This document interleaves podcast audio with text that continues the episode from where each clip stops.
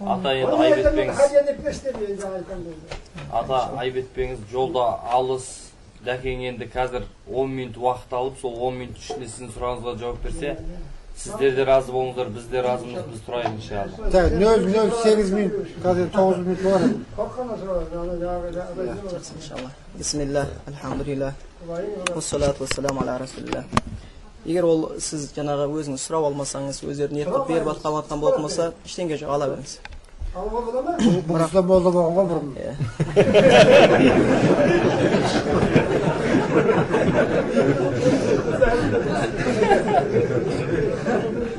бұл жерде енді жаңағы енді ол егер өзі садақа ниетімен неғып жатқан болса онда айыбы жоқ иншалла сіз өзіңіз іздеп алмасаңыз одан кейін бір нәрседе адамдар түсіну керек сізді тіпті алып жатқан кезде ол алып жатқан нәрсеңіз құран үшін деп ойлап қалмасын олар. Соны білсеңіз болды. Егер былай енді дін жолын iyi. соны түсіндіріп айтып қойсаңыз болды. өйткені бұл аллахтың кітабы.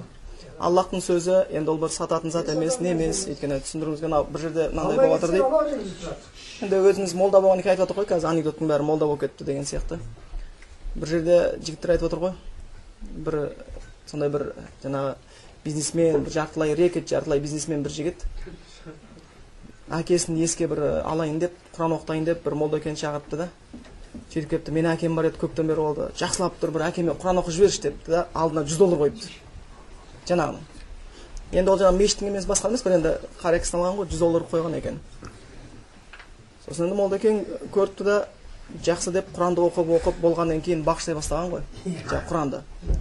Осы құраннан болған сауапты отыз үш мың сахаба бір айтар сондай мыңы бар ар жағында. Түркістанда түменбап сайрандағы сансыз бап деп андар кете бастаған ғой сөйтсе анау тоқтат деп айтады дейді да батияға түк қалмады ғой деп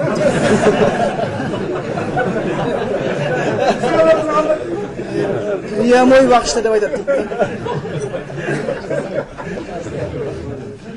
сол сияқты енді бұл иншалла алла қаласа елдің сауаты көтеріледі бірақ мына дінде мен сөзімді бір нәрсемен аяқтасайын деп жатырмын осы. Өйткені мына жерде бауырларымыз бәрі келіп отырған жастар жайында да әңгіме болып кетіп жатыр. Алла разы болсын.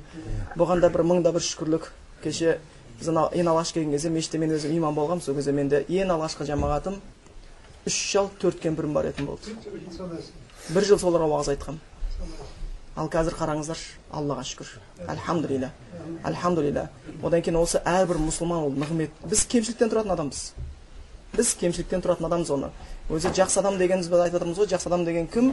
Ол кемшілік жоқ деген сөз емес. Жақсы адам деген жақсылығы жамандығынан басым деген сөз. Сол үшін осы тұрған айтыр бәріміз бір біріміздің құнымызды білейік. Кемшілік болса кешіріммен қарайық. Өйткені құранда аят бар. Мұхаммадур расулулла мұхаммед аллахтың елшісі дейді саллаллаху мааху пайғамбар мұхаммедпен болғандар енді пайғамбардың дініне кіргендер бірге болғандар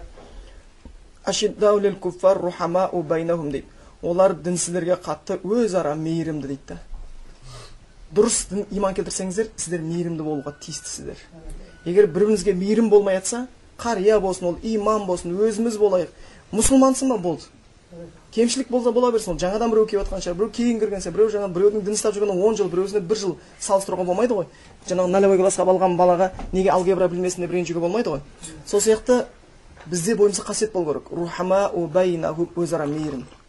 Рухама одан кейін осы мейірімділікке кей біз құр жалаң сөйлеумен ғана жетпейміз. Негізі біз сөзімізден гөрі құлшылығымыз да көп болу керек. Өйткені алла осы құран аятында айтады. Рухама дейді да тарахум руккаан суджадан сен сол мұсылмандар дейді пайғамбардың соңынан ерген үмбетін дейді да көріп қаласың қандай халде дейді да жиі кездесетін халін дейді да сөйлеп отырған емес басқа емес жиі кездесетін халін дейді рукух сәжде қылып жатқан кезін көріп қаласың дейді да бір дауласып қырылысып үйтіп таласып бүйтіп сенікі емес менікі емес емес олардың рукух сәжде қылып жатқан біздің сөзімізден гөрі ісіміз көп болу керек. Сонда береке кіреді. Біздің амалымыз көп болу керек. Руккаған суджадан дейді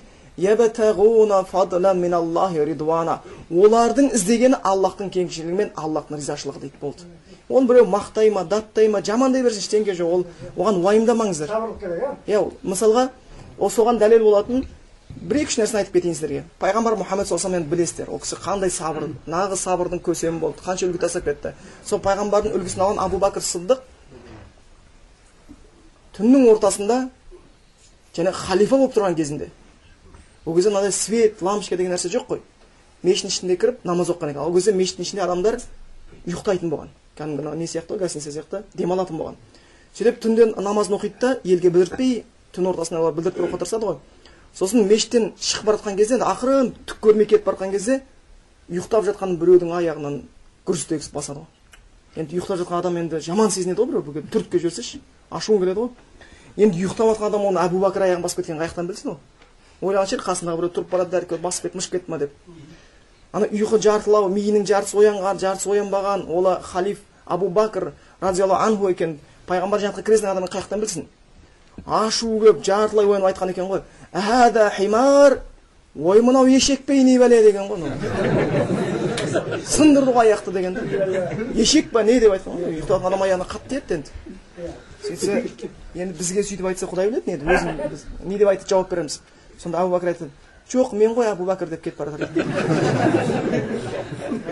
мен ғой әбу бәкір деп кетіп бара жатыр дейді ештеңе ерегісудің қажеті жоқ айта берсін уахабист десе сен бәрі уахабист болып қалмайсың ғой мұсылмансың сен болды не десе о десін бірақ сен ол айтқандай болып қалмайсың ғой ешек десе ешек болып қалмайсың бәрі адам болып қала бересің бір адам екеуі ерегісіп қалып дейді да содан барып ешек ит шошқа депті да танысқаныма қуаныштымын а менің атым пәленше деп кетті сол сияқты. Бір күні және келеді. Мына хусейн пайғамбарымыздың немерелері ше хасан бізде асан үсен деп қойып кеткен содан келген ғой. Хусейнді біреу елдің көзінше жамандайды да қараңызшы пайғамбардың немересі де сөз естіген екен да қанша сондай болып тұрса да. Елдің көзінше келіп сені білеміз неменеге өзінше тақуасынып жүрсің сенің мынандай да мынандай мынандай. Үндемей тұр дейді елдің бәрі қарап тұр дейді. Елдің бәрі хусейн жақтап тұр. Егер хусейн мынаны мойнын жұлып ал десе жұлып алуға дайын еді солар. Мына аузын тісін қағып ал десе қағып алуға дайын еді. Бірақ хусейн үндемей тұр. Хусейн үндемеген елдің бәрі үндемей тұр. Анау бір ырзасы бар келіп адам айтып жатыр айтып жатса айтады дейді да. Альхамдулилля сен менің кемшілігімді білгенің аз екен. Көбісін құдай сенен жасырып қойыпты депті да көмектесейін ба или саған осы егер сонымен сенің құмарың қанатын болса көмектесіп жіберейін ба қасынан кем, білмейтін кемшілігіңді айтып өзім айтайын ба деген екен да сонан кісі ұялыпты да құшақтаған екен дейді да ештеңе жоқ біз әулие болып жатқан ғой мына шейх усеймин деген бар енді сахабадан және бір өзімізге жақын адамдарға келейікші кеше ғана осы біз заманда өмір сүріп кеткен үлкен ғалым діннің көп саласын игерді сонда бір кісі келіп айтып жатыр дейді да шейх деп та кешіріп қоясыз самихна иғтабна біз сізді мен сізді ғайбаттап қойып едім депті да сыртыңыздан жаман сөз сөйледім деп деген екен да шейх айтып отыр ел қарап тұр мен сіздің сыртыңыздан кешіріп қойыңызшы сіздің сыртыңыздан ғайбат айтып едім депті да сөйтіп дейді да мән ана ұйықтап депті да кім едім сонша мені ғайбаттамайтындай деген екен дейді да кім едім мен деген екен сол үшін бұл біз біліңіздер басыңыздан сөз асыра беріңіздер ештеңе жоқ құдай ренжімесе болды адамның көңілін іздеу бізге керек емес.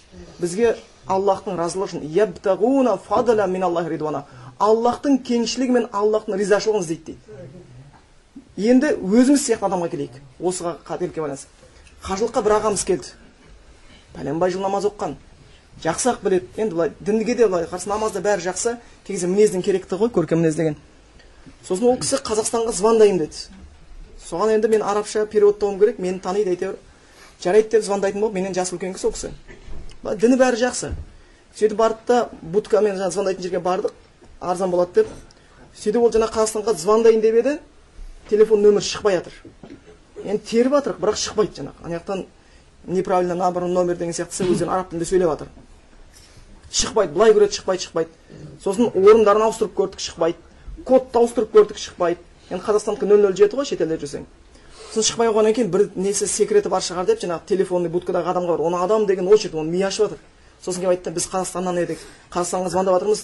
Дұрыс қалай звондауымыз керек? деді да сосын алды да жаңағы қазақстанға сендер былай звондайсыңдар деп жаңағы жазып берді. Нөл нөл жеті одан кейін сотка болатын болса сегізін алып тастайсың да одан кейін нөмірін жазасың деді.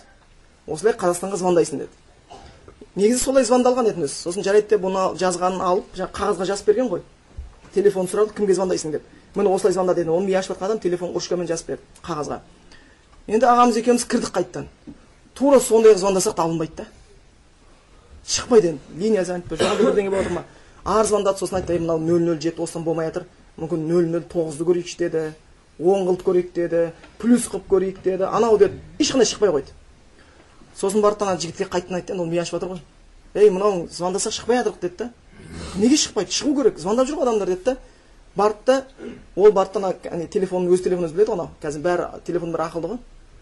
Последний қандай нөмірмен звондағанын білейін деді да біз. Басқа еді біз енді басқа нөмірмен звондадық қой нөл нөл жеті емес енді өзгерттік та. Ар жағында он деген сияқты сан салып жібергенбіз сөйтіп ой мен сендерге айтып едім ғой деді да. Дұрыс звондамапсыңдар ғой. Нөл нөл жеті біз енді оны нөл нөл жетімен он рет звондағанбыз ғой алдында ол оны білмей тұрып последний нөмірді көріп тұр да. Деді жаңағы. Осылай звондайсыңдар деп айтты кетіп қалды. Сонымен біз звондай алмадық енді шығып бара жатса жаңағы айтады ғой. Е ана арабқа барып айтайық дейді да ол бізді тупой деп ойлап тұр дейді. Сосын айтамын ой не қыламыз оны айт деймін да. Ей ол бізді ұмытып қалды уже ол деймін да. Бір қазақтың немесе араб мені тупой деп айтты деп ойлаймыз ол құдай біледі ойлап ойлап жатқан жоқ па? Жоқ біз нөл нөл жеті деп тергеніміз бар айту керек дейді да. Мен айтамын ұят аға деймін да.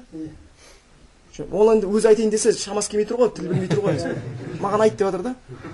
Тұрып жүре берейікші десек жоқ болмайды. Ол біз туралы тупой деп ойлады. Деп намысқа салып жатыр да. Мен айтамын аға ойлай берсінші. Ол құдай бізді біледі ғой кім екенімізді. Қалай звондағанымызды. Біз кей кезде осындай бір өзіміздің жеке намысымызды ойлаймыз деп дінді шетке қойып қоямыз да. Біліңіздер әрқайсымыздың арқамызда ислам тұр. Исламның қамын өзіміздің қамымыздан артық ойлайық. Сол үшін ана қазақта мақал бар екен бір атырауда болған кезде бауырларға да айттым. Қазақта мынандай сөз бар. Айтады қазақ. Малым жанымның садақасы дейді да. Жаным арымның садақасы дейді да. Енді сіздер бір сөз қосып қойыңыздар. Арым дінімнің садақасы деңіздер. Бізге дін керек. Дін одан жоғары да діннің садақасы. Сол үшін кейбір мәселелерге мән бермеңіз. Уахабист дей ма мынау дей ма? Сен бол. Саған жамандап жатса сыйлық жаса көркем қатым қарым қатынас істе абдулла ибн омардың көршісі еврей болды мал сойса апарып беретін. Ол онда ештеңке жоқ. Яғни адамдармен жақсы қарым қатынаста жүре беру керек. Ол үйтті бір күні жағынға ұстатып кету керек көзін ойып алу керек деген сияқты әңгіменің қажеті жоқ. Біздің бізден ислам көріну керек та. Бізден исламның сөзіміз иісі шығу керек. Адамдар көрген кезде құранда аят бар.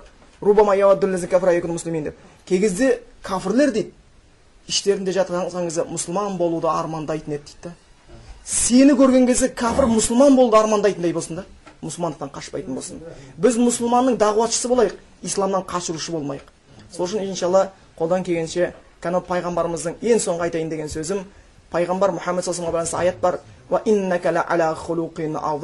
сен ең жоғарғы көркем мінез құлықтасың дейді. Біз сол пайғамбардың үмбетіміз. Бізге де көркем мінез құлық берсін. Және хадис келеді сахи хадисте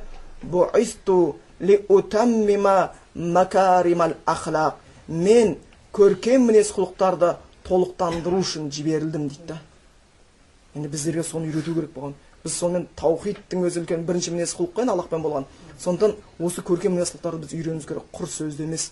Аллах тағала біздерді пайғамбарымызды көркем мінез құлық берген сияқты бізге сол көркем мінез құлық берсін. Өйткені пайғамбарымыз айтты қияметтің күнінде таразыда таразда ең ауыр нәрсе көркем мінез құлық деді. Пайғамбар мұхаммед мұсаллаллаху сұрады сахабалар я расулалла қайсы нәрсе адамдар жәннатқа көп кіргізеді? деді да қайсы сипаттан жәннаттың адамдары көбірек кіреді? деді жәннатқа адамдар деді. Пайғамбар айтты құдайдан қорқу және көркем мінез құлық деді осы адамдар көп кіреді деді да жәннатқа осы екі сипаты бар қорқу және көркем мінез құлық алла біздерді көркем мінез құрметтесін субханакалла бихамдика ашхаду ан ла иляха илля анта астағфиру илайх бирахматик үш минут жіберіңіз